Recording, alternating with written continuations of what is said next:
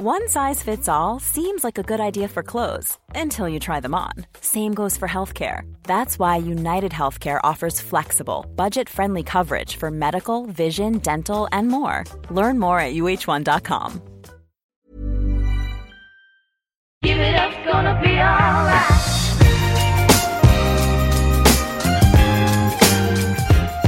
I dag, eh, folkens I dag så skal vi ha en uh, nydelig eh, gjest. Uh, nydelig i, i veldig mange fasetter. Da. I dag skal vi snakke med Stian Grasveit. Han er uh, for mange kjent som skiløper. Skiløper som sto fram som homofil. Det i seg selv er spennende.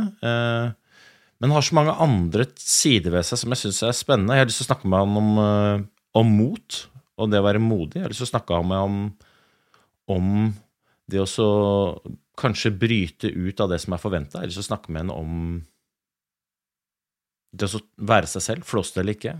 Eh, Jeg vet ikke helt hvordan praten kommer til å gå, men jeg er veldig nysgjerrig.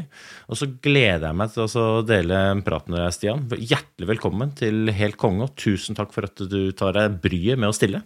Tusen takk for en så fantastisk introduksjon. Jeg kunne hørt på i timevis når du snakka sånn. Jeg kan godt fortsette hvis du vil det, så gjør jeg, gjør jeg gjerne det, da. Altså, vi, vi før, før vi banker av gårde, så må vi gjøre folk kjent med deg. Og nå har jeg på en måte bare snakka litt om de, de ytre tingene, men hvis jeg spør hvem er Stian Grastveit, hva svarer du da? Eh, ja, Stian Grastveit er en fyr som pleide å gå på ski.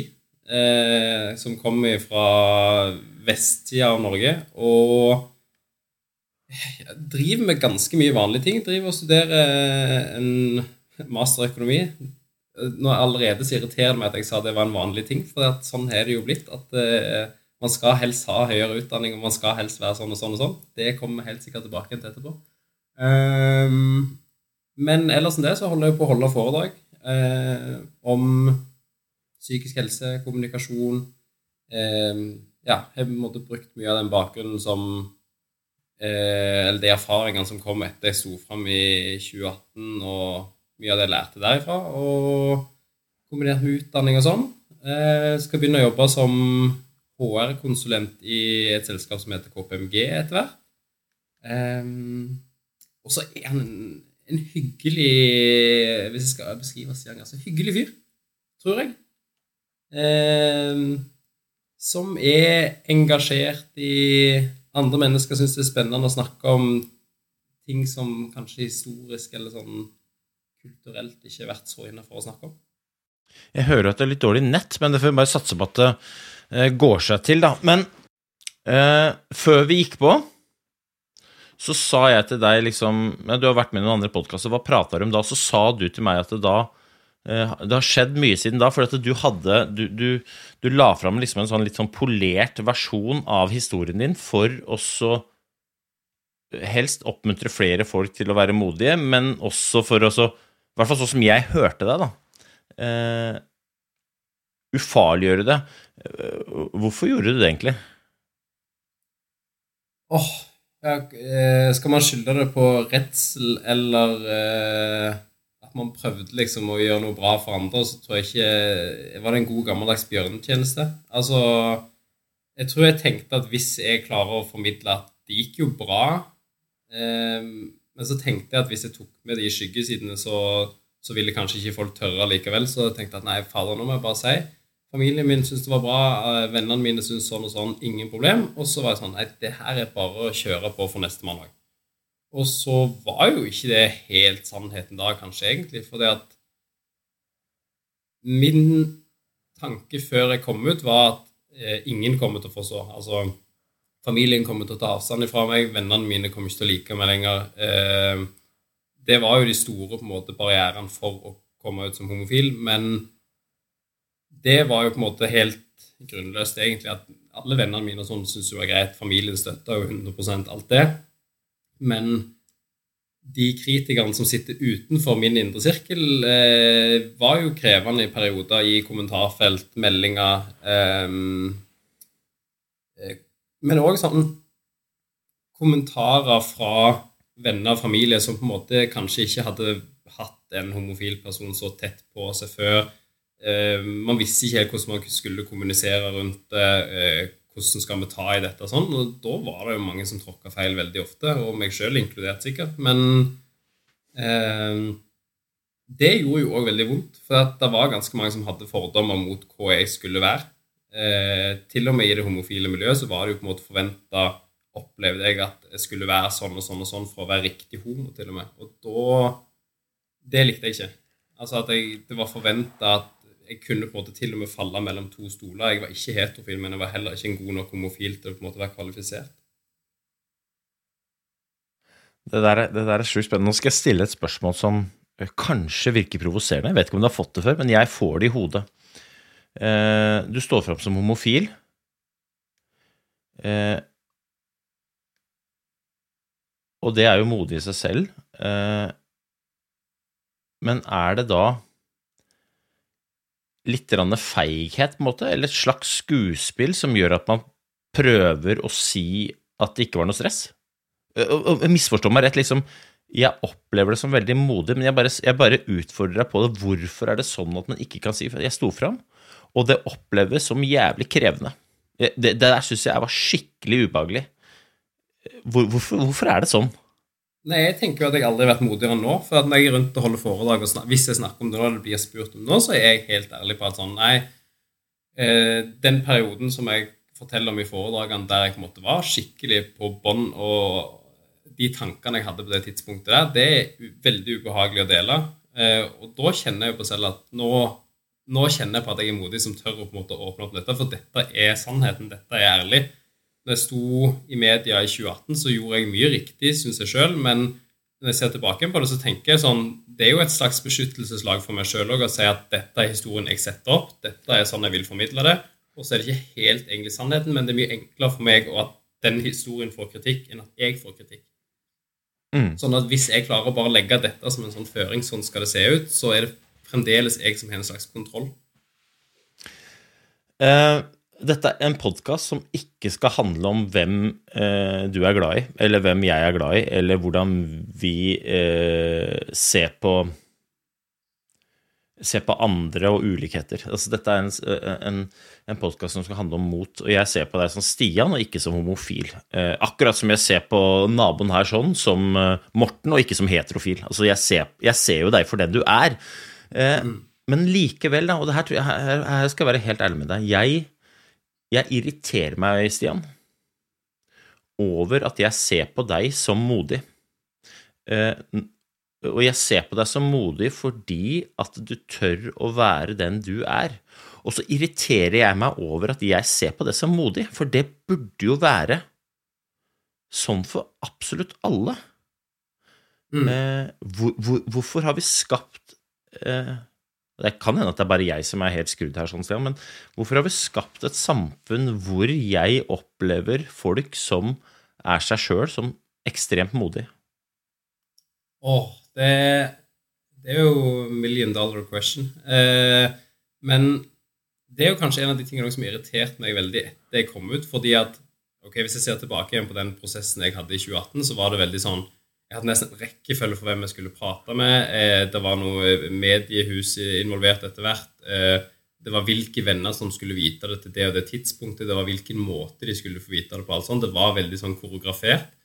Eh, og for hver, altså Familien var litt spesiell fordi det er så nært, og jeg tror min mor og far syntes det var vanskelig at mm, Jeg tror de syns det var vanskelig at Oi, du føler at du ikke kunne sagt dette til oss. Det, det gjør oss vondt at vi, vi føler på at har vi ikke lagt godt nok til rette for at det var innafor å dele.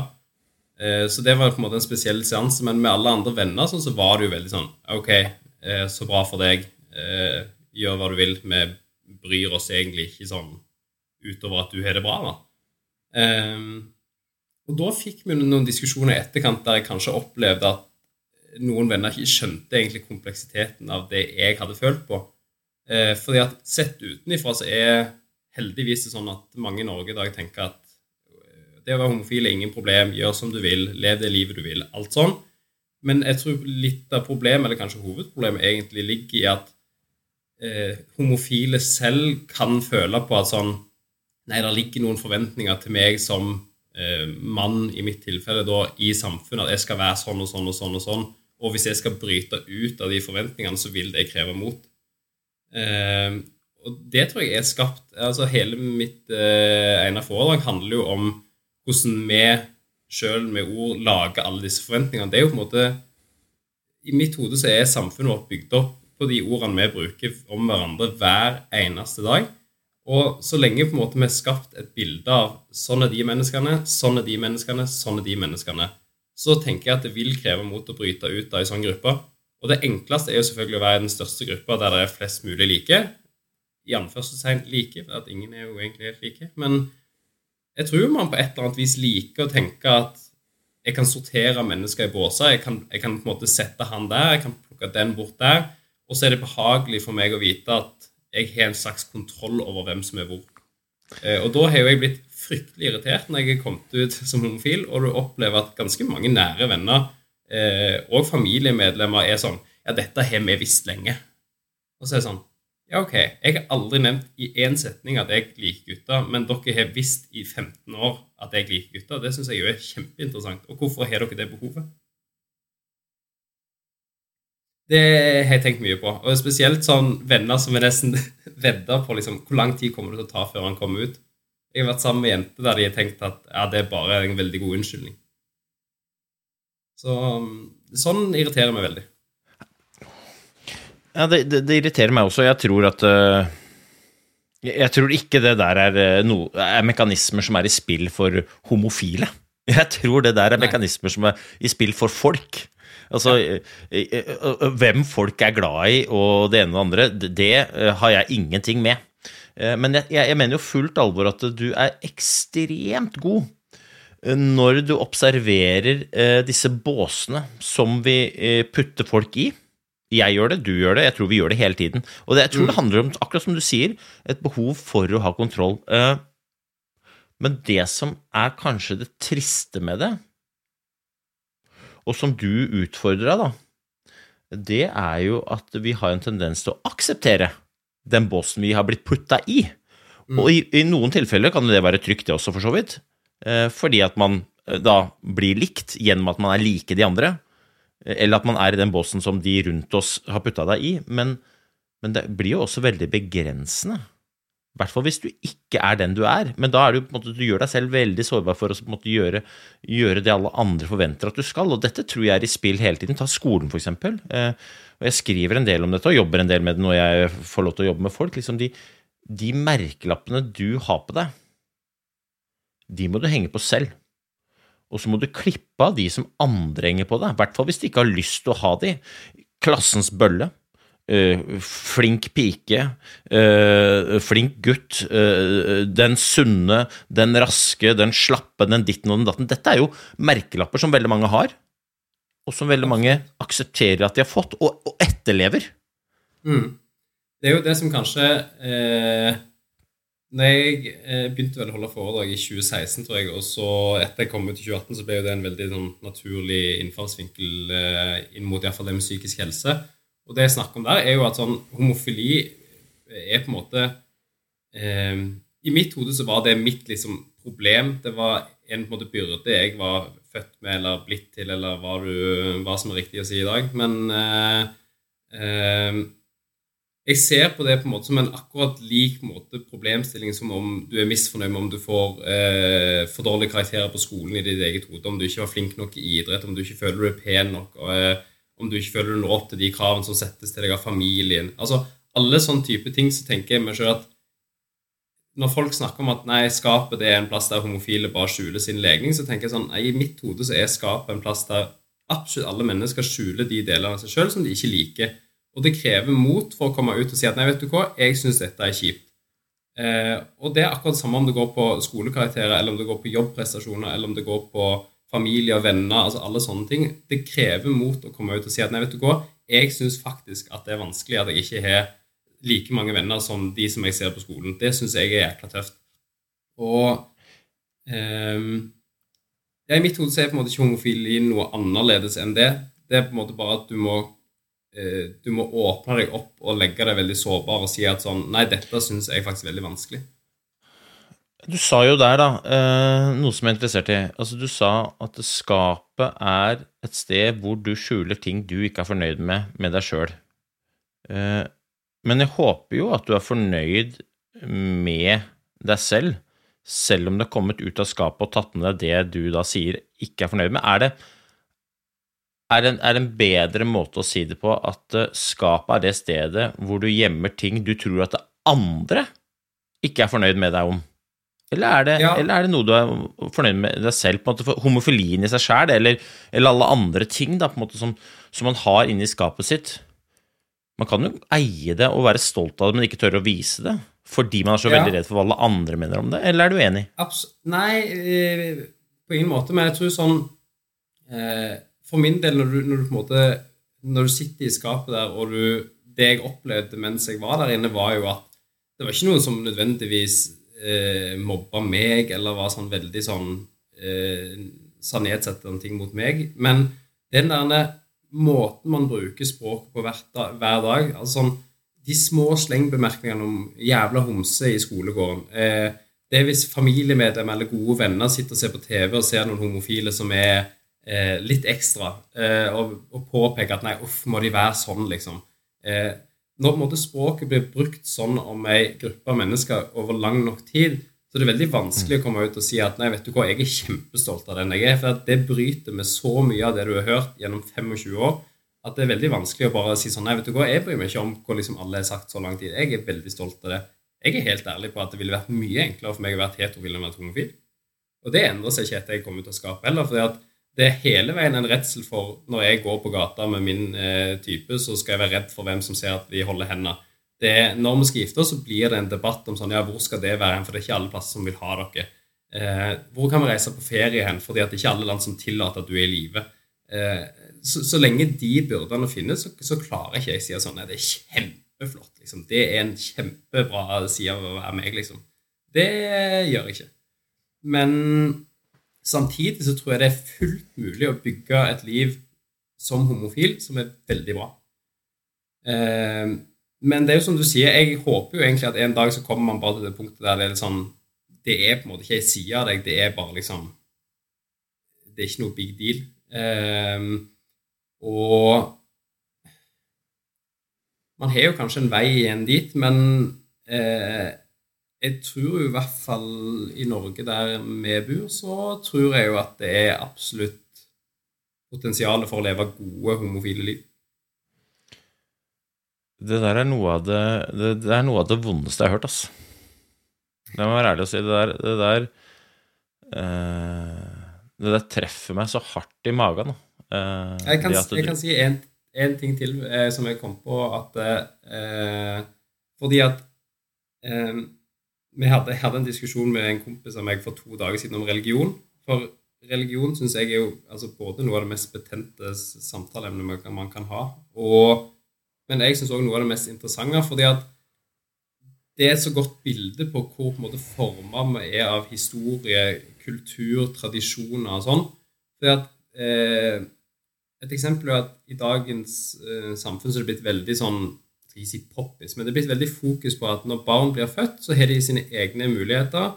De skal få velge selv om altså De skal ikke legges ut på Facebook. Det er jo en kjempestor debatt om skal det være bilder av barna på Facebook og Instagram for at de ikke valgte selv. alt det der. Mens f.eks. en barnedåp er jo noe vi praktiserer i veldig stor grad. Jeg er selv døpt, og det gjør man jo. Og liksom, jeg sier ikke at det er et kjempestort problem sånn isolert sett, men det er jo med på å forme på en måte forventningene til hva et barn skal være.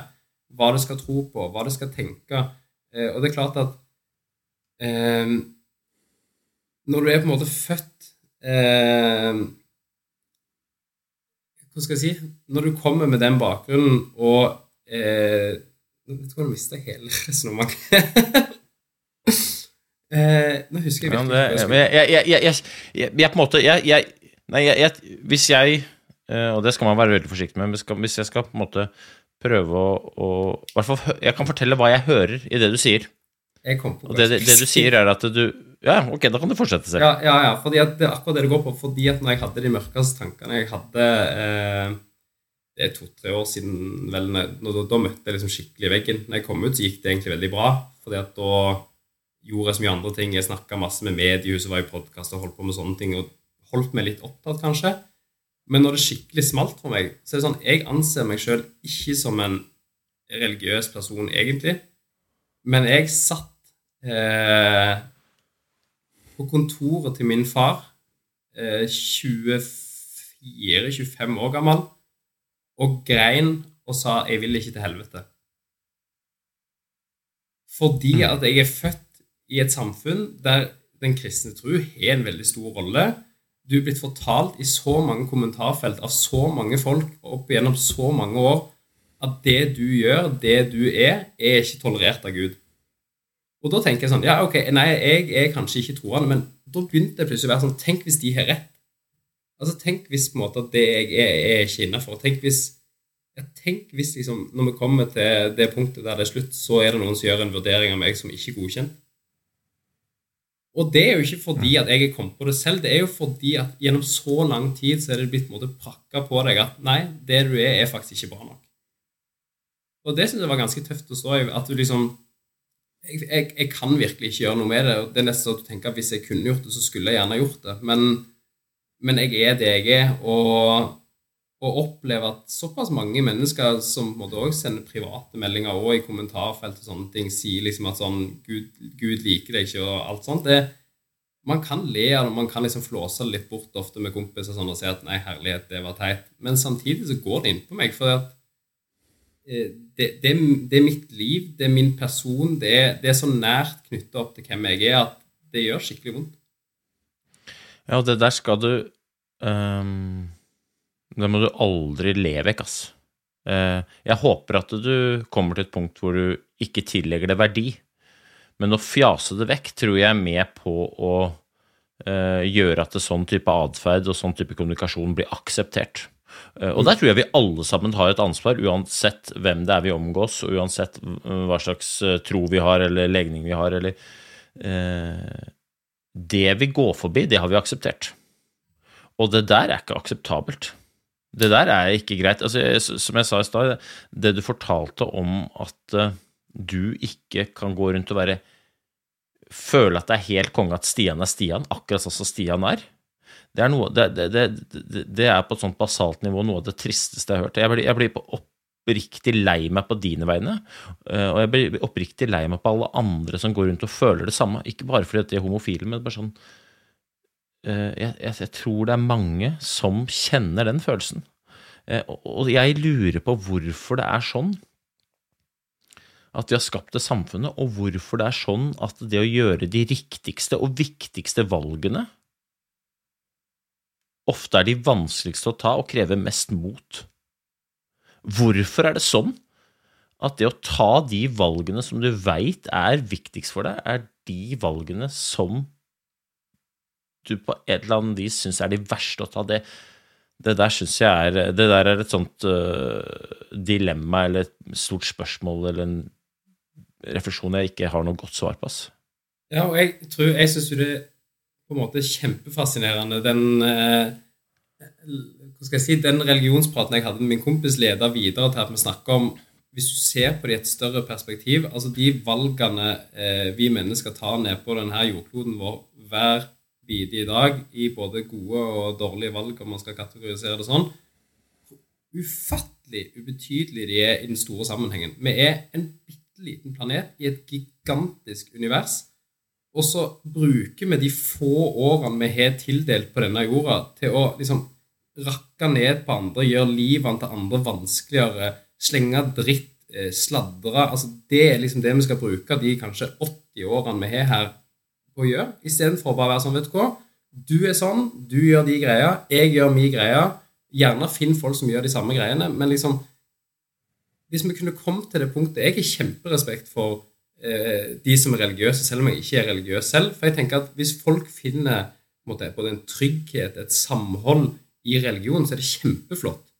Det er bare ikke flott når det går utover det punktet at det er dårlig for andre menneskegrupper. Så syns jeg jo det er litt problematisk. Men liksom bare la folk gjøre det de vil. Det, eh, det er jo kanskje det som har irritert meg mest med at jeg er modig fordi at jeg kommer ut som homofil, fordi at eh, det er så mange andre som skal bry seg om det. Og det blir jo alltid trukket fram det seksuelle ved homofile. Det er jo tydeligvis alt med. Fordi at det er sånn Nei, jeg vil ikke høre om sexen deres og sånne ting. sånn, Men skjønner du ikke at eh, på akkurat samme måte som et heterofilt samliv, så er på en måte sex en del av forholdet jeg har til mine på en måte Skal si mine menn, men det hørtes jo ikke bra ut. Men de mennene som på en måte jeg har vært sammen med, sånn, er jo på en måte, ja, det er en del av det, men de følelsene jeg kjenner til det mennesket, er jo på akkurat samme måte som for mange andre. Det er jo det som er på en måte hele greia. Eh, og det irriterer meg at gang på gang så skal på en måte folk legge seg borti og være sånn Nei, jeg liker det ikke, og derfor kan ikke du være sånn. Det plager meg. Og til og med til det punkt at folk må gå rundt og rive ned prideflagg fordi at de plages så hardt av det, det klarer ikke jeg å forstå. Fordi at jeg har sagt alltid til mine kompiser, det er min læresetning når jeg diskuterer med andre kompiser. Jeg sier sånn Det er ingenting, og jeg mener ingenting, du kan komme til meg og fortelle som du liker å holde på med, eller som du gjør, utover det som er lov, eh, følger norsk lov og alt det der. Det, det, spiller ingen rolle for meg. Det er ikke sikkert på en måte jeg er interessert i det samme. Det er ikke sikkert på en måte jeg har gjort det samme som du har gjort. Men likevel så tenker jeg sånn Gjør hva du vil. Det plager ikke meg. Det går ikke utover mitt liv hvordan du velger å leve ditt. Kan, kan, man ikke bare klare å leve på den måten at liksom, Nei, vet du hva, du gjør dine valg, og så lenge du ikke er slem mot mennesker eller gjør folk vondt, så er det ingen problem for meg. Ja, og jeg har til gode å høre homofile fortelle heterofile hvor ekle de er. Eh, men jeg har hørt mange ganger andre veien. Eh, men eh, ok. Mot, da. For det er egentlig dette jeg, jeg syns er spennende ved det. liksom Hvorfor det skal være, hvorfor jeg ser på deg som modig. Og igjen, jeg, jeg, irriterer meg over det, men jeg gjør det. Jeg ser på deg som modig. Og jeg mener det der er et samfunnsskapt fenomen som gjør at jeg ser folk som er seg sjøl, som modige. Er du modig? Ja. Ser du på deg selv som modig? Ja. Deilig. Hvordan eh, hvor, hvor, hva, hva, definerer du som mot? Hva er, en, hva, hva er en modig person? I mitt hode så har jeg kanskje tenkt på det som å tørre på en måte å gjøre noe som du kanskje er redd for. Eh, på en måte Tørre å trosse en frykt, eller på en måte tørre å trosse det folk på en måte egentlig forventer du skal gjøre, eller på en måte stå opp for deg sjøl, egentlig. Så jeg tenker jo sånn Egentlig nesten uavhengig av om du på en måte har stått fram som homofil, eller om du har stått fram med andre problemer, sånn, så, det, så, tenker jeg at du er like modig hvis du bare er deg sjøl som eh, Hva skal man si? Du kan gjerne være en hvit mann på 45 som har en helt vanlig jobb, og som har en helt vanlig familie, og være jækla modig. Fordi at Jeg syns det er kult når faktisk folk tør å bare være sånn Vet du hva, dette er meg, dette er min pakke, den står jeg 100% inne for. Det er modig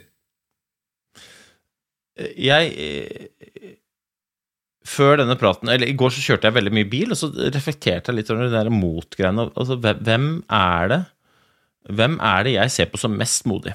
Og jeg er helt enig med deg da, i at uh, modige folk det er de som er seg sjøl, uavhengig av hva de rundt forventer at den skal gjøre. Uh, liksom, Jeg snakker ikke om at det modige folk er de som kjører over de rundt seg, eller på en måte øh, gjør farlige ting eller oppfører seg som drittsekker, øh, selv om de rundt seg forventer at de skal være fine folk. Det er ikke det jeg sier, men sånn, det å være seg sjøl oppleves som veldig modig. Og så mener jeg at det, og dette er litt sånn skummelt å si, da, men jeg mener at det er to grupper folk, hvis du skal klassifisere folk i grupper, og det skal man egentlig ikke, men hvis du skal sånn, hvem er de modigste jeg vet om?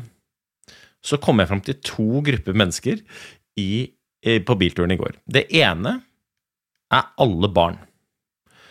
Alle barn er seg sjøl 100 Altså, det, det er øh, noe det er, det er, altså noe rent og noe purt og noe sånn utrolig autentisk og ekte over alle barn. Og på et eller annet tidspunkt så slutter de å være barn, og så opplever jeg at de blir litt, litt, og litt og litt mindre seg selv, og litt og litt og litt mindre modig. Eh, kaller, jeg tror vi kaller dette for sosial intelligens, eh, og det er litt nitrist at vi ser på akkurat det som sosial intelligens. Ok, det er den ene gruppa. Og den andre gruppa, vet du hvem det er? Det, vet du, det er de som har Downs syndrom. De er faen meg de modigste folka jeg er borti. For de er seg sjøl 100% De bare, de bare banker på. Og de får til fantastiske ting. Og når jeg ser de, så ser jeg at de stråler stort sett òg. Altså, det er folk med livsgnist og energi, farge i kinna og rake rygger, ass. De to gruppene med mennesker de oppleves som ekstremt modige. Og jeg, jeg satt og reflekterte over fy flate, tenk hvis vi hadde alle sammen vært enten som barn eller som de med Downs syndrom. Da tror jeg vi hadde Mm. hatt det bedre. Hva tenker du om det? Ehm, jeg tror vi har to måter å på en måte tenke det samme på. Altså sånn, eh, I mitt hode så kan jeg utfordre det tilbake igjen og si det samme som jeg ville kanskje tenkt eh, rundt min bakgrunn. at sånn, oi, og, og, Selv om det på en måte er veldig positivt eh, et positivt begrep å være modig, eh, så føler jeg samtidig at man på en måte eh, undervurderer litt på en måte variasjonene innenfor f.eks. de med Downs syndrom og innenfor barn. At det blir på en måte sånn fordi at de på en måte er sett på som en litt sårbar gruppe, så framhever jeg de med å si at alle der er modige. Og så blir jeg sånn, ja, men det er ikke sikkert alle der er modige heller. Fordi at de òg er forskjellige mennesker med forskjellige bakgrunner som kommer fra forskjellige steder. Det å på en måte oppleve at nei, vet du hva, jeg setter en hatt på deg som sier at vet du hva, alle dere, dere er sånn. Alle homofile, dere er modige. Så jeg er sånn, nei, jeg kjenner kjempemange homofile som er kjempelite modige. Fordi at de er akkurat like som heterofile folk. Det er min utfordring. Der er tilbake. du Ja, der er du jævlig god, da. Eh, og det er klart at du har rett også. Eh, og, og det er det skumle med å klassifisere. Ja, at det er jo egentlig alt det man ønsker, er jo kanskje at man forstås kun som et enkelt menneske som bare meg, og at eh, Jeg blir jo på en måte De gangene kanskje blitt mest lei meg, er jo ikke de gangene når noen sier sånn 'Du bør brenne i helvete, Gud tror deg ikke', eller et eller annet sånt. De gangene jeg blir mest lei meg, er jo når noen legger føringer for hvordan jeg er fordi at jeg er homofil sånn typisk kommentar at ja, selvfølgelig, Stian, du skal jo se Eurovision i kveld, for du er jo homse. Det kan jeg bli veldig lei meg av. Jeg, jeg, jeg, tror du, jeg, jeg tror du pirka borti noe ekstremt viktig rundt det å være modig. Da, for dette du sa eh, barn eller Downs syndrom, vi ser på de som sårbare, og derfor så er de modige. Eh, og, og det å være modig, det handler vel kanskje om eh, Arrester meg eller utfordre meg hvis du er uenig. Om akkurat det å vise at man er sårbar. Her er jeg. Uten lag, uten noe. Og jeg er sårbar. Og du kan- du kan veldig lett såre meg. Og, og bare når noen, noen åpner opp det, så ser jeg for faen, det der er modig gjort. For at jeg går rundt her med skjoldet mitt. Ingen skal komme her og såre meg, for jeg vet at hvis jeg åpner opp det, så kan det komme skyts. Er det det vil- som er mot? Ja, jeg vil spørre deg om en ting. Hvor mange eh, Har du opplevd noen gang å være på en måte i, på en, måte, en sosial setting der du har masse gode kompiser eller venninner eller familie og sånn, og opplevd at de endrer sine synspunkter etter hvem de er med? Eksempel, du kan ha diskutert om mot og det med legning og sånne ting med gode kompiser, opplever at eh, her er vi veldig enige og sånn. Men plutselig i en annen setting så står de og skal være litt kule. De skal på en måte ta en annen posisjon enn egentlig er. Det er det minst modige jeg kan se for meg. Og jeg gjør det sjøl òg, veldig ofte, fordi at jeg òg ønsker å passe inn. Og av og til hvis måte, min kompisgjeng slenger dritt om eh, en annen sårbar gruppe, eller sånn, så slenger jeg meg på for å være litt sånn Ja. Og da, da kjenner jeg meg sjøl så lite modig etterpå at jeg tenker sånn Herlighet, man står opp for det sjøl. Altså sånn Her burde du sagt nei, dette syns jeg ikke er greit. Altså sånn Kan vi bare skjerpe oss? Det her er bare ikke bra. Men i stedet for så står man der sånn Ja, helt enig. Det, tenker er sylskarpt. Det du går forbi, har du akseptert, og noen ganger er det din egen atferd som Ja. du bare går forbi, og, og aksepterer det. Og så tror jeg at det på et eller annet vis det spiser deg opp innvendig. Jeg tror det begrenser oss i å føle oss helt konge, jeg tror det begrenser oss i å leve, jeg tror det begrenser oss i akkurat som du sa, stå for deg sjøl, da. Men vi gjør det for å beskytte oss og for å være inkludert, og så har vi jo veldig brennende ønsker for å bli likt. Alle har jo et behov for å bli likt, og snarveien til å bli likt er jo gjennom å være like de rundt deg. Og det er sosial kompetanse. Du bare Jeg- går inn i et rom. Ok, hv- hv- hva er snittet her sånn? Jeg treffer det. Ja. Jeg tror jo en av de tingene som jeg poengterer kanskje oftest når jeg utholder foredrag sjøl, at det, det, det er lett å tenke når du holder foredrag om psykisk helse og kommunikasjon og sånn, så er man en sånn moralsk helgen som aldri har gjort noe galt, og man bare Nå skal jeg vise dere hvordan man liksom løser ting riktig kommunikativt. Sånn. Jeg tråkker jo feil hele tida sjøl òg. Altså, bortimot hver bidrag så sier du noe som du kanskje ikke burde sagt. Men der er en historie der òg der jeg, jeg pleier å utfordre på en måte publikum til å på en måte tenke over sjøl noen spesielle ganger der du sjøl opplever at nei, fader heller, nå tråkka faktisk jeg feil. Jeg sa noe som ble tatt ille opp av mottakeren, eller som, eh, ja, som jeg på en måte tenker egentlig var galt sagt. da. Og jeg sjøl satt jo på ungdomsskolen eh, som da homofil ung gutt, eh, kjempeusikker på meg sjøl, var 100% sikker på at jeg var ikke bra nok verken i egne eller andres øyne, hele den pakka. Men så var jeg samtidig veldig skoleflink, sånn at vi fikk inn en vikar i matte som kanskje ikke hadde matte som sin eh, favorittdisiplin.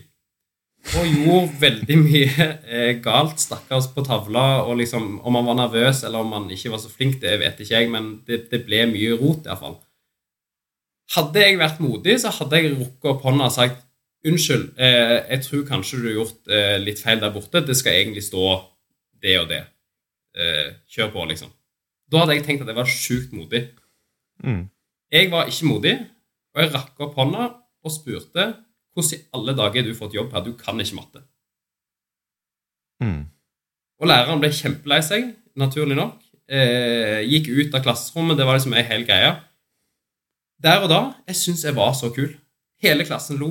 Det var kjempestemning i rommet for at Stian, det der fikk du til. Følte meg nok egentlig modig òg, for jeg tenkte ja, det turte jeg å si. Og egentlig så var jeg dritfeig. Fordi at jeg satt bare og tenkte at jeg må bare bli akseptert. Selv om det går på tross av alt jeg tror på og alt jeg ønsker å stå for, så, så vil jeg på en måte bare bli akseptert. Eh, jeg vil være en del av gjengen, jeg vil på en måte bli forstått, alt det der. Og sett i ettertid, når jeg begynte å reflektere rundt dette når jeg passerte 20, så tenkte jeg sånn det, det, det der er noe av det jeg er mest flau over i hele mitt liv. Fordi at det, det går så på en måte imot det man kanskje ønsker å være, og det er igjen så lite modig som det går an å komme. Det der er ehm, Det der håper jeg at folk spoler tilbake og hører en gang til. Altså bare faktisk lytter til hva det er du sier. For det, det, der, det der, kan jeg kjenne meg igjen i. Eh, og det er vondt å kjenne seg igjen i. Jeg tror veldig mange kan kjenne seg igjen i. Og jeg tror det er viktig å stoppe opp og reflektere over det. Er det sånn jeg har lyst til å være? Eh, for det er ofte sånn man er. Og, eh, og jeg tror òg at man Ja, eh, om det er et sånt behov for å på en måte føle seg bra gjennom å trykke andre ned, da, eller om det er tøffe jeg, jeg vet ikke, men jeg tror i hvert fall veldig mye hatytringer som blir servert over bordene uh, i det ganske land, pirker borti eller er på en måte bunner i og grunner i det du sitter og prater om der nå. Og jeg tror effekten av det altså sånn, Vi kan jo ta mobbing, for eksempel. Jeg tror på en måte effekten av mobbing aldri er god for noen. Selv ikke for de som mobber. Jeg tror ikke det er noen som mobber, som har lyst til å sikre seg sjæl i speilet og si faen, jeg, jeg, jeg, er en mobber, og det er jeg stolt av. Det er, det er, ingen, som, det er ingen, som, er det. Jeg, jeg påfører andre smerte. Det er, liksom, det er ingen som går rundt og sier det. Men det er mange som mobber på daglig basis likevel, og jeg tror det er på grunn av det du sier der nå. Fader, det der er, det der er visdomsord, altså. Jeg tenker jo sånn ofte i mine foredrag så kommer jeg inn på eh, hva skal man si, veldig, veldig tunge tema som f.eks. selvmord. Og det er jo på en måte kanskje den ytterste konsekvensen av på en måte sånne negative handlinger over tid. At enkelte mennesker ikke føler lenger at det er rom for meg på denne planeten. Jeg må på en måte bort. Er, ingen bryr seg om jeg ikke er her. Altså eh, Det er jo type, type, tanker som på en måte kan komme eh, rundt det.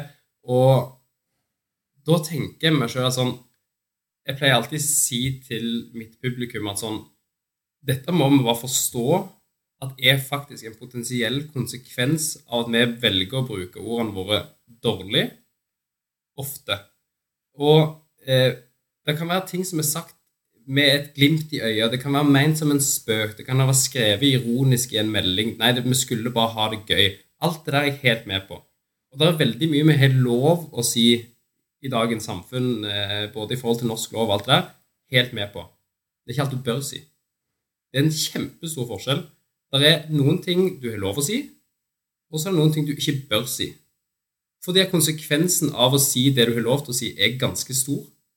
Eh, sånn at jeg alltid eh, Jeg sier alltid det er sånn hva, hva tenker du den dagen du møter opp på jobb, eller du møter opp i klasserommet, og det er en som ikke sitter der, eller ei som ikke sitter der? Hva, hva tenker du å si? Da tenker du å si, Det var bare kødd. Mm. Skal vi gå i begravelser og si det som sånn, vi tuller bare, altså? Det skjønte du vel? Mm. Jeg, jeg tror på en måte folk ikke skjønner at fram til det punktet der faktisk folk tar de valgene, så, da er det for seint. Det, det er for seint å lære når mennesker opplever at når, når vi pusher deg så hardt ut i kulda at du forsvant til slutt. Og da skal vi lære. Jeg tenker sånn, Man må jo skjønne at uansett om det er den største negative konsekvensen som selvmord, eller om det er at folk føler seg eh, utafor, eh, blir lei seg, deprimerte, får angst, altså disse typer greiene At likevel så er det sånn Det jeg velger å si hver dag i ulike forumer, eh, det når til folk. Eh, Det, det går inn på folk. Og her har jeg lyst til å på en måte poengtere en, et, en annen fasett der, sånn, det er jo det at eh, det er jo også det de rundt velger å ikke si, Mm. som påvirker. Det du går forbi, har du akseptert. Så på en måte det Én ting er det som de, de som er direkte involvert i meningsutvekslinga her, sånn. Mm. Eh, Men en annen ting er jo alle de rundt, da, som velger enten om de aksepterer det, eller om de står opp for seg sjøl. Eh, og, og det kan til og med Det er vel kanskje Det er feil å si enda modigere, men det er i hvert fall sjukt modig å stå opp for urett som du ser foregår rett foran øya på deg eh, hver eneste dag, fordi det åpner jo opp for at du også kan bli mottakelig for skyts, da. For du velger part, det er jo det du gjør. Du, du velger eh, den riktige siden basert på at atferden er eh, uakseptabel. Men det er jævlig modig gjort, og det er jo det tryggeste, og igjen tilbake igjen til båser, og det tryggeste er å bare holde hodet lavt. Sitt med huet i sanda og håp at det går over. Eh, og det kan hende at du ikke får noe skyts retta mot deg, men jeg er helt overbevist om at det kommer til å påvirke deg, og i hvert fall hvis det går så gærent som du snakker om i ytterste konsekvenser. Sånn. Men ok, eh, hva er konsekvensen av å utvise mot? Altså, hva er din erfaring? Hvilke, hvilke følelser, hvilke konsekvenser, eh, hvilke erfaringer har det gitt deg av å utvise mot? Og da blir det på en måte eksplisitt eh, å, eh, å velge å stå fram, da, men jeg opplever jo at det er modig enda. Det er jo lenge siden du sto fram, men du er jo fortsatt modig. Hva er effekten av å være modig? Ehm, jeg husker jeg tenkte på det både altså sånn For å ta det første først at jeg husker kjempegodt den turen jeg kjørte fra Kragerø til Egersund sommeren 2018, og jeg visste at om tre timer så kommer historien min på, liksom, på Dagsrevyen, på Kveldsnytt, på radioen, det skal ut i Aftenposten, det skal liksom bare måkes ut alle steder. Og da husker jeg satt og tenkte sånn jeg liksom har nå tatt en kjempegod beslutning for mitt liv eh, og gjort mye riktig, eller har jeg nå tatt et valg som jeg på en måte aldri kan gå tilbake på? Jeg kan liksom aldri jeg kan aldri undo dette. Altså dette, dette er sånn det blir, liksom. Eh, jeg vet ikke om jeg satt og følte meg modig på den bilturen, men jeg satt likevel og reflekterte over sånn Nå er du blottlagt. Altså nå er det Du stripper ned helt naken, liksom, og nå er det bare for folk å liksom Ris og ros, bare Og nå går alt på deg. Altså sånn, dette er Det er du som er tema for debatt. Det er ditt Altså noe av det nærmeste hjerterota di som skal bli debattert i media. Eh, ja, selvfølgelig i dagens samfunn så er det sånn at kjempemange kommentarer er flott, dette trengte Idretts-Norge, dette er fantastisk, kjempebra. Men du legger òg hodet ditt på blokka for at de som ikke syns det der er noe særlig, de kan bare gønne rett på og ta rennafart og si fy fader, jeg unner ikke deg å være i live engang.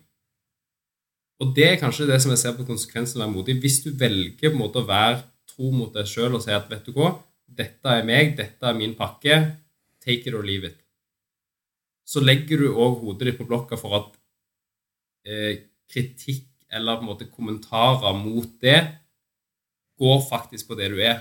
Mens hvis du velger å være noe annet enn det du er, hvis du velger å ha en fasade, så er det mye enklere å ta kritikk, tenker jeg, for det handler egentlig ikke om deg. Eh, Oh. Du skjuler på en måte den delen av deg sjøl som Altså, du, du fjerner på en måte et skjold, da. Og da treffer alt godt og vondt. Det treffer deg.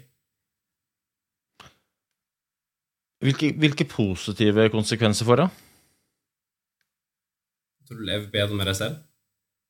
Eh, jeg, er Mm. Stolt, egentlig- jeg er stolt av meg sjøl. Jeg kjenner på hver eneste dag hvis jeg går på en scene, eller hvis jeg diskuterer sånne tema, eller hvis, hvis, eh, hvis vi kommer inn på noen sånne temaer, så, så er jeg stolt. Jeg, jeg kjenner at jeg er på en måte Jeg er åpen, jeg er transparent. Eh, jeg vet at ved å være den jeg er, så åpner jeg rommet for at andre tør å være den de er. Eh, hele jobben min som foredragsholder har jeg alltid tenkt er på en måte jeg skal komme inn i et rom og åpne rommet for kanskje 200-300 mennesker, sånn at de kan være seg sjøl. Eh, jeg føler egentlig bare at jeg legger opp til en smash og sier at vær så god, nå kan liksom dere begynne å diskutere hvem dere er, eh, reflektere rundt vanskelige sider av deres liv, ta på en måte diskusjonen videre når jeg ikke er her lenger. Eh, det ser jeg kanskje som noe av det jeg er mest stolt av ved å ha vært modig, at jeg føler at jeg har lagt opp til mange gode samtaler rundt hva vil det si å være menneske, hva vil det si å være meg. Eh, og den største åpenbaringen for min del var jo når jeg skjønte at ok, jeg har tidligere altså snakka mye om det å være homofil i foredragene. Sånn. Nå handler jo foredragene mine om kommunikasjon rundt vanskelige ting, rundt å være seg sjøl, psykisk helse i et mye større perspektiv. For det å være homofil er bare én liten falsett av ei så enormt stor eh, en enormt stor gryte av ulike utfordringer og problemer og ting som folk kjenner på. Og det er på en måte helt likt. Hvis du diskuterer med noen som er kjent på hvordan det er å være utenfor fordi at de ikke var flinke nok på skolen, så sier de akkurat det samme. Nei, det føltes sånn og sånn. Jeg følte at jeg måtte gjøre meg til. Jeg følte at jeg liksom måtte si ting for å passe inn. Altså, det er så mye liksom, ting som går igjen med folk som er slitt med ting, og det er jo kanskje den store fordelen med å være seg sjøl. At du klarer å hjelpe andre. Og jeg tror også at det, det motsatt er jævla mye som går igjen i folk som har vært seg sjøl. Og liksom, jeg har holdt jeg, jeg, vet, jeg har ikke tall på antall foredrag eh, jeg har holdt, men jeg kan si deg med hånda på hjertet, Stian, jeg har ikke én gang sagt at jeg er heterofil. Det, det har ikke vært Det har, det har, ikke, det har ikke nevnt én eneste gang, og det er helt irrelevant. Ja. Det er liksom sånn Det er altså så irrelevant at jeg får ikke Men, men, men det som er relevant, det er hva jeg står for, hvordan jeg tenker, hva det er jeg faktisk gjør, hvordan jeg jobber med de folka rundt meg, hvordan jeg tar vare på meg sjøl, er mot meg sjøl og er mot de jeg er sammen med. Det er relevant, og det er det du prater om. Mot er jo liksom eh, det vi ser på som altså, eh, Det vi ser på som modig, det vil jo være u, ulikt fordi vi er ulike. Og sånn vil det være for absolutt alle, men jeg tror det er veldig mange som har lyst til å være modig, men som må erkjenne at det, hvis ikke det er et element av usikkerhet og litt frykt i det du gjør, så er det ikke mot du utviser når du gjør det. Mm. Da er det plankekjøring. Men effekten av å være modig, ja, det er usikkerhet der, ja, det er motstand der, sånn, men effekten er jo også veldig mye positivt. Eh, Og jeg tror i det lange løp at det det er like krevende å være modig som det er å være feig. Men effekten av motet er et sinnssykt mye diggere enn effekten av å være feig. Og så irriterer jeg meg over at de viktigste og riktigste valgene er de vi ser på som eh, vanskeligste å ta eller gjennomføre, da, eh, som jeg sa. Men jeg har lyst til å eh, runde av med med noe som er eh, kanskje det viktigste, da. Eh, og jeg forventer ikke at du har fasiten, men jeg har lyst til å høre Stians råd til de som har lyst til å være modig.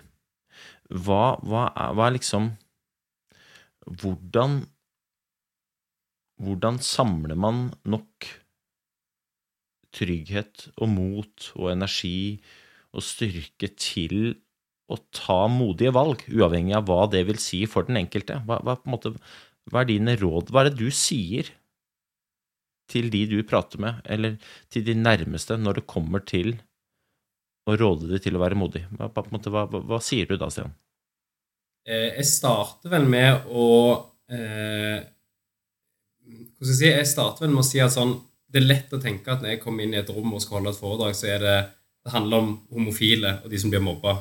De to gruppene er Iallfall i norsk skole så er det sånn er det 5% som blir mobba, og det er til 4% som er på en måte LHBT, eh, som er på en måte i min kategori, om man skal si det sånn.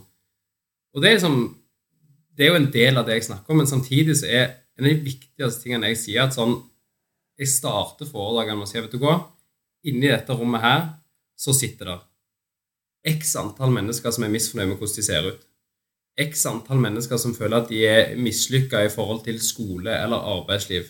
Noen som føler at de ikke når opp til måte, det familien forventer dem. At de på en måte ikke lever opp etter det kanskje det er religiøse bakgrunnen de har forventa dem.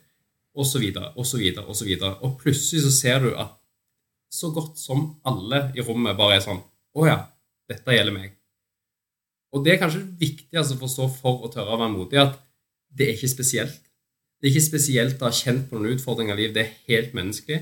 Eh, absolutt alle i verden har et eller annet som de syns er vanskelig, og i sitt eget hode så er det verdens største problem. Om det er et ilandsproblem, eller om det er store, basale på en måte problem. Så jeg tror på en måte å først reflektere litt rundt at sånn Det jeg, eh, det jeg skal gjøre for å være modig og være meg sjøl, er på en måte ikke spesielt. Altså sånn Jeg er en av vanvittig mange ulike typer mennesker som finnes, og det er akkurat like på en måte vanlig å være meg som være en annen. Samtidig så tenker jeg sånn Det er naivt å tenke på at alle da plutselig samler mot og sier at nei, nå skal jeg si i VG hvem jeg er, og det er kjempeviktig. Men det å faktisk få diskusjoner og samtaler med de som betyr mest for deg, om det er familie, om det er venner, om det er en støtteperson i forhold Altså i, i, i det å være en lærer, eller om det er eh, helsesøster, lege, eh, kollega på jobben altså samme hva. Men det å åpne dialogen med å på en måte være litt mer transparent med de som du faktisk stoler på, og være mer åpen om at vet du hva, dette er meg, dette er hele pakka. Her er det. Det tror jeg har en verdi. Og hvis du klarer å på en måte gjøre det mange nok ganger, så vil det på en måte føles naturlig etter hvert. Det er jo som med alt annet. Du har jo vært eh, Eh, du har jo vært en ålreit habil skiløper, så du vet jo at det kanskje trengte litt trening for å komme på en måte til det punktet at man begynte å vinne skirenn. Eh, sånn tenker jeg på akkurat samme måte med å være seg sjøl òg. Det kommer ikke til å være sånn at du våkner i morgen og tenker at nei, nå skal jeg gå ut døra og være stolt av den jeg er resten av livet. Det, det krever jobb, det krever trening å faktisk være sånn at nei, vet du hva, jeg skal prøve å ta små skritt mot å akseptere og være faktisk stolt og modig i den personen jeg er. Eh, for meg så er det tatt mange mange år å komme til det punktet der jeg nå, der jeg faktisk begynner å kjenne på at nei, nå er jeg faktisk stolt av både det jeg har gjort, den jeg er, og hva jeg kommer til å bli. Men i 2018, uansett hvor mye jeg skrev i media og likte å framstille som at jeg var stolt av absolutt alt, eh, var jo eh, Det var en del av reisen til å komme dit jeg er nå. Eh, så jeg tror at det viktigste rådet jeg kan gi til andre, er faktisk så enkelt som at åpne en dialog med en du stoler på om hvem du er. For det, at det å tørre på en måte å faktisk sette ord på både hvem du er, hva du er stolt av, og på en måte hva som kanskje har vært dine utfordringer, er en kjempeviktig brikke på en faktisk tørre å være modig. Ja, nydelig. Det er nydelig, og siden du drar opp trenings... På en måte treningsaspektet her, da. Så jeg, jeg, tror, jeg, tror, du er inne på noe vesentlig. Altså, du må trene på det. Og uh, alle som har drevet med noe uh, på høyt nivå, vet at det tar lang tid å bli innmari god i noe. Og sånn er det med alt. Jeg er helt enig med det. Om det er uh, være seg sjøl, om det er selvtillit, om det er bygge trua på seg selv, bygge et godt selvbilde, bygge en godt, god selvfølelse. Altså uavhengig av hvem du er, så er det jo da utgangspunktet ditt som vil avgjøre når du er i mål, og hvor lang tid du må regne med å bruke på det. Og så kommer det til å kreve innsats, det kommer til å kreve trening. Og det som er med trening, er jo at eh, i hvert fall hvis, hvis du er dårlig trent, så vil det én oppleves som veldig krevende å gjennomføre treninga. Og to, sannsynligheten for at du har blitt veldig mye bedre i morgen, den er lik null. Men det kan være sannsynlig at du våkner opp i morgen og er støl når du har trent, noe du ikke er vant til. Og da føler du deg dårligere. Du er på rett vei, men du føler deg dårligere. Og litt sånn kan det være i denne prosessen her òg. Sånn, nå skal Stian være seg sjøl, og så opplever du masse motstand i det, og så våkner du opp dagen etter, og så er du støl, og da er det veldig lett å bli usikker. Nei, det var kanskje ikke så lurt. Jeg, jeg krabber tilbake igjen i båsen min. Og dette tror jeg folk kan kjenne seg igjen i, da, i, i at man på en måte blir støl da, mellom øra når man prøver å stå opp for seg sjøl, og så kryper man tilbake og sier nei, det der eh, det å tro på seg sjøl-greiene, det er ikke for meg, ass. Det, det får noen andre holde på med, men det blir for krevende. Um, jeg, jeg, har lyst til å avslutte, Stian, med å si at um, i, i min sfære, når du er i min sfære, så skal du ha rom til og trygghet til å slippe den skuldra og være deg sjøl. Jeg ser deg som Stian, og jeg ser deg for atferden din. Eh, jeg hyller deg for det, eh, det gode du gjør, og kommer til å arrestere deg hvis jeg mener at du gjør ting som er uakseptabelt. Jeg forventer at du gjør akkurat det samme. Hvem du er glad i og sånne ting, det, det bryr jeg meg ingenting om. Jeg håper du finner folk du er innmari glad i, akkurat som jeg har folk jeg er glad i, og så skal du vite at jeg ser på deg som modig. Ikke fordi at du er homofil og åpen om det, men fordi at du er en jævla fin fyr som tør å snakke om ting som er vanskelig. Eh, det har vært berikende å ha deg med. Eh, jeg takker for tiden din, og det har vært helt konge at du gadd å bruke tid på det. Og så håper jeg inderlig at eh, lytterne reflekterer litt over det du sier, for det du sier er I hvert fall opplever jeg det som ekstremt viktig og ekstremt uh, fullt av visdom til å være en så ung fyr som det du er, da. Men du har masse erfaring, og du må aldri slutte å gjøre det du gjør. Jeg er helt sikker på at du møter stigma rundt at ja, det er jo lett for han å gjøre det fordi han melker den historien sin. Men i mitt hode, Stian, så lever du av, og dette kommer til å høres idiotisk ut, men du har lagd deg en jobb av å være deg sjøl. Det er noe av det deiligste jeg har hørt. Altså. Du må aldri slutte å være deg sjøl, for da tror jeg du mister jobben. Så tusen takk for at du kom, Stian. Det har vært eh, helt konge.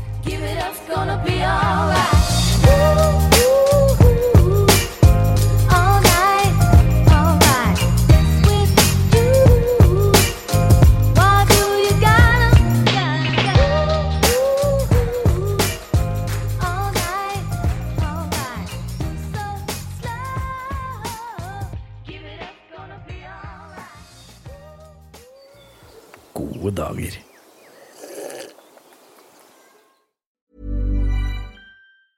Planning for your next trip? Elevate your travel style with Quince. Quince has all the jet setting essentials you'll want for your next getaway, like European linen, premium luggage options, buttery soft Italian leather bags, and so much more. And is all priced at 50 to 80% less than similar brands. Plus, Quince only works with factories that use safe and ethical manufacturing practices. Pack your bags with high-quality essentials you'll be wearing for vacations to come with Quince. Go to quince.com slash pack for free shipping and 365-day returns.